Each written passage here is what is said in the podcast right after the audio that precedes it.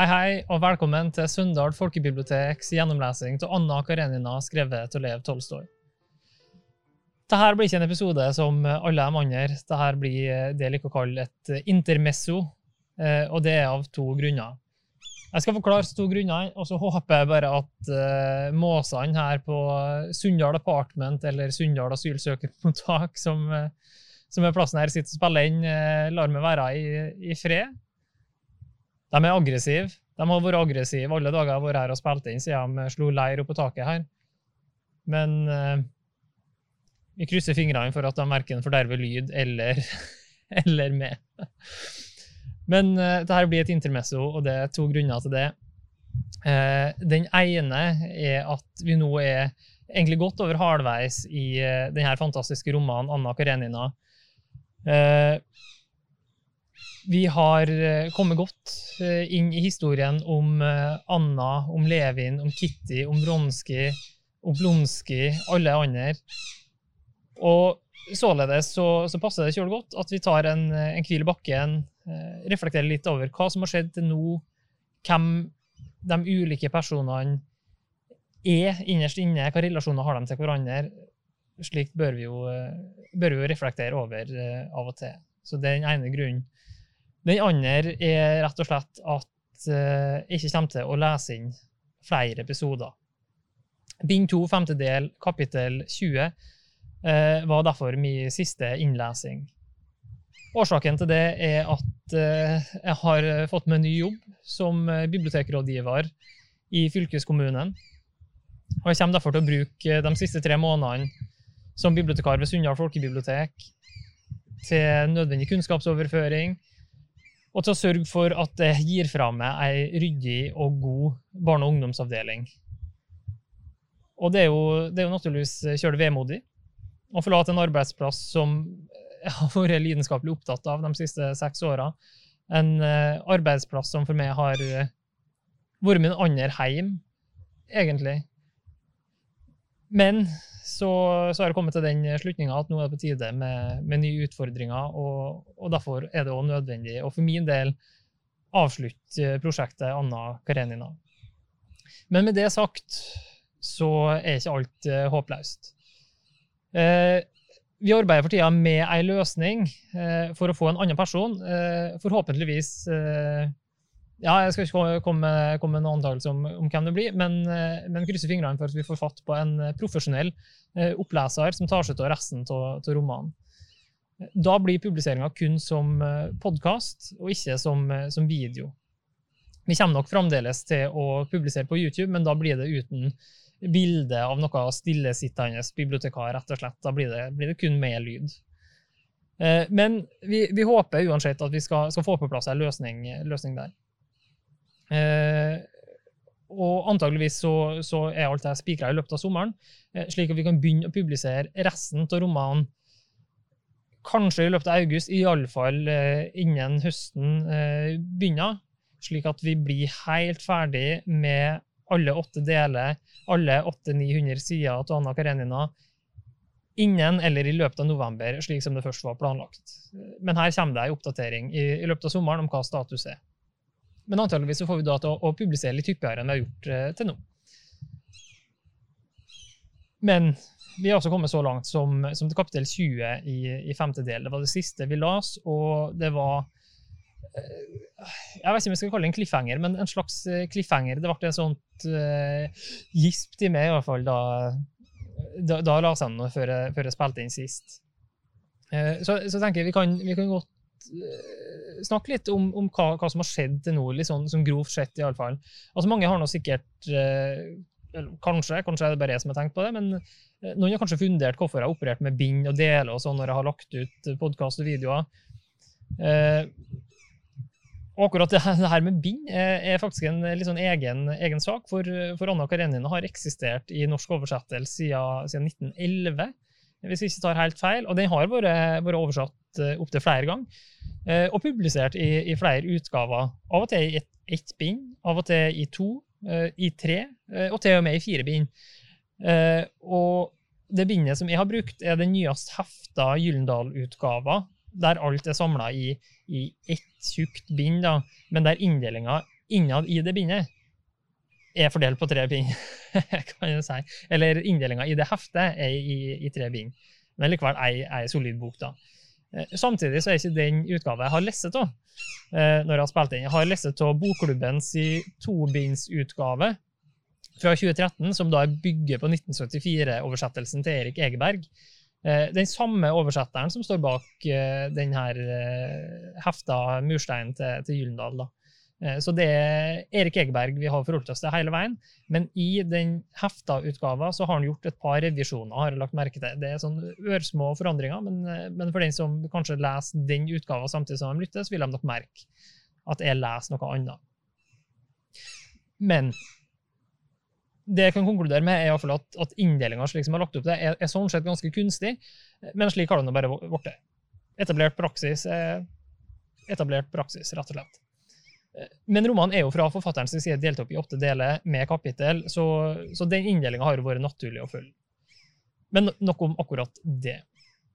Forresten for, forresten, sånn her, dette blir en kort, uh, kort, video, er tanken, da, men forresten sånn videoen her, så, så, kommer det et par avsløringer om handlinga i romanen.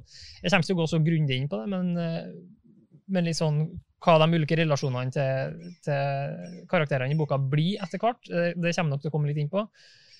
Så for dem som ikke har, har lytta eller lest gjennom hele romanen ennå, så vil jeg anbefale å skru av her, rett og slett, og heller lese romanen, så kom tilbake til videoen seinere. Så dette er det en kaller en spoileradvarsel. Men hva så med det vi har lest om? Mange har nok kanskje forundra seg over at romanen ikke handler så mye om Anna Karenina som en først skulle tro, tittelen tatt i betraktning. For det er om lag et dusin eh, hovedpersoner i boka. Altså, med hovedpersoner skal en tenke litt sånn gjentagende karakterer, eller karakterer som går igjen uh, i boka. Og de er blant annet eh, Anna Karenina, som er vår hovedkarakter. Uh, det er Vronsky, som da etter hvert blir Annas elsker. Det er Oblonskij, som er Dollys ektemann og Annas bror. Det er Dolly, som da er Oblonskijs kone og Kittys eh, søster. Det er Aleksej Aleksandrovitsj, som er Annas bedratte ektemann. Det er Konstantin Levin, som er Kittys frier og etter hvert ektemann. Det er Nikolai Levin, som er Konstantin Levin sin alkoholiserte eldrebror. Det er Sergej Ivanovitsj, som er Konstantin Levins halvbror og forfatter. Det er Kitty, som er Dollys søster og etter hvert Konstantin Levins kone. Det er Betzy, som er Vronskijs kusine, og eh, Annas, eh, om det er lov å si, da, løsslupne venninne. Det er Lydia Ivanovna, som er fra høgsosieteten og på Aleksej Aleksandrovitsj sitt parti i konflikter med Anna. Det er grevinne Vronskaja, som er Vronskij sin mor. Og det er Serjosa, som er Anna og Aleksej Aleksandrovitsj sin sønn. Og så er det Anna, eller Anni, som er Vronskij og Anna Karenina sin datter. I tillegg så er det mange andre karakterer. Um, vi har jo bl.a. fyrst eh, og fyrstinne Tsjetsjebatskij. Uh, de er ganske fremtredende. Så vet fyrst Tsjetsjebatskij er en slags favoritt med meg en artig, frimodig karakter, i, i tillegg til, til, til, mange andre. Så, så, så, romanen er jo i kjent Tolstoy-stil for så vidt fylt av interessante karakterer som en kan fordype seg til, eller eh, gi det glatte lag. Eh, men hovedkarakterene, spesielt i, i Anna og Vronski og Levin og Kitty eh, og Aleksej Aleksandrovitsj og Blonskij Ja, når vi først skal nevne, så de er så mange. Og de er alle like gode. Men jeg har eh, gjennom opplesinga så godt som råd forsøkt å, å la navnet her få en naturlig klang, og jeg vet det med vekslende selv. Noen navn har nok blitt forenkla, og noen er kanskje blitt eh, vanskeligere uttalt enn eh, strengt nødvendig. Så her har båten blitt litt til mens jeg har rodd, og jeg takker særs ydmykt for all tålmodighet. Eh, dere som lyttere har hatt både med dette her og med franske og tyske uttrykk spesielt. Der må jeg innrømme at jeg har, jeg har slitt et par ganger. Det har blitt kanskje ikke grå hår, men eh, det har eh, blitt noe hårriving i, i, arbeidet med det. Og så vil jeg komme tilbake til, til, noe som er nevnt i aller første videoen, som var en sånn eh, introduksjonsvideo.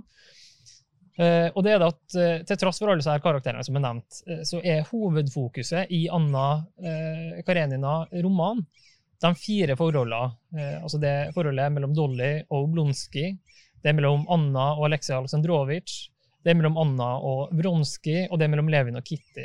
Og det er fire vidt ulike forhold som alle belyser kjærlighetens hva skal man si, mange fasetteringer på, på vidunderlig vis. Det er jo sagt at Tolstoy sin roman er en roman om kjærlighet. og Samtidig så er det også sagt at det er en roman som forkaster kjærligheten, som rett og slett er kjærlighetsfornektende. Som, som ikke tillater å anerkjenne kjærligheten som en faktisk kraft i universet.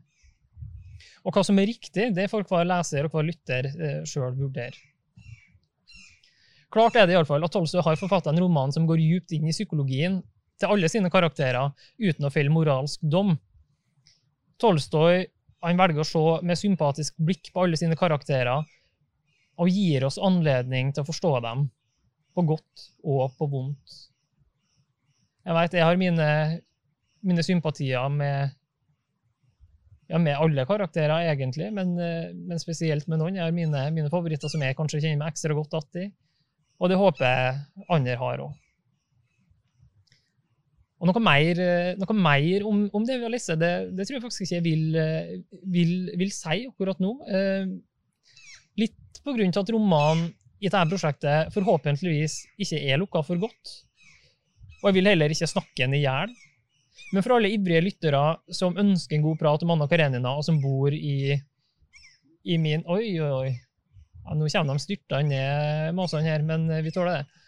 Men for alle ivrige lyttere som, som bor i, i søndagsområdet, så vil jeg bare si at uh, jeg stiller gjerne på en kaffeprat for å diskutere denne romanen. Jeg har et stort stort behov for å diskutere det jeg har lest, for å snakke om det, og for å for å få fram alle nyansene, for å, for å snakke om alle disse her små stikker og, og, og så her små referansene som Tolstoy har plassert rundt omkring.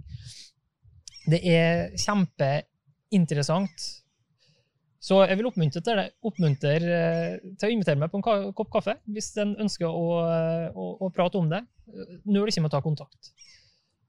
Ellers så håper jeg at alle, alle lyttere smører seg litt med tålmodighet da, eh, til vi har de siste delene på plass. Eh, og blir en jo skikkelig utålmodig, skal en alltids låne boka på, på biblioteket. Nei, og så, eh, så, vil jeg takke alle som har lytta til meg. Eh, takk for at dere har tatt dere tid til å ja, både se og lytte til en amatørmessig, lidenskapelig opptatt bibliotekar som har fått den ære å fordype seg til til det her fantastiske verket. Og så vil jeg takke for, eh, for den fantastiske tida de eh, fine åra har hatt eh, ved Sunndal folkebibliotek. Vi sees. Torgeir out. Takk for oppmerksomheten. Oppleser var Torgeir Brun. Podkasten er produsert av Sunndal folkebibliotek ved Torgeir Brun. Det prosjektet her er støtta av Nasjonalbiblioteket og takk til Gyllendal Norsk Forlag for bruk av deres oversettelse.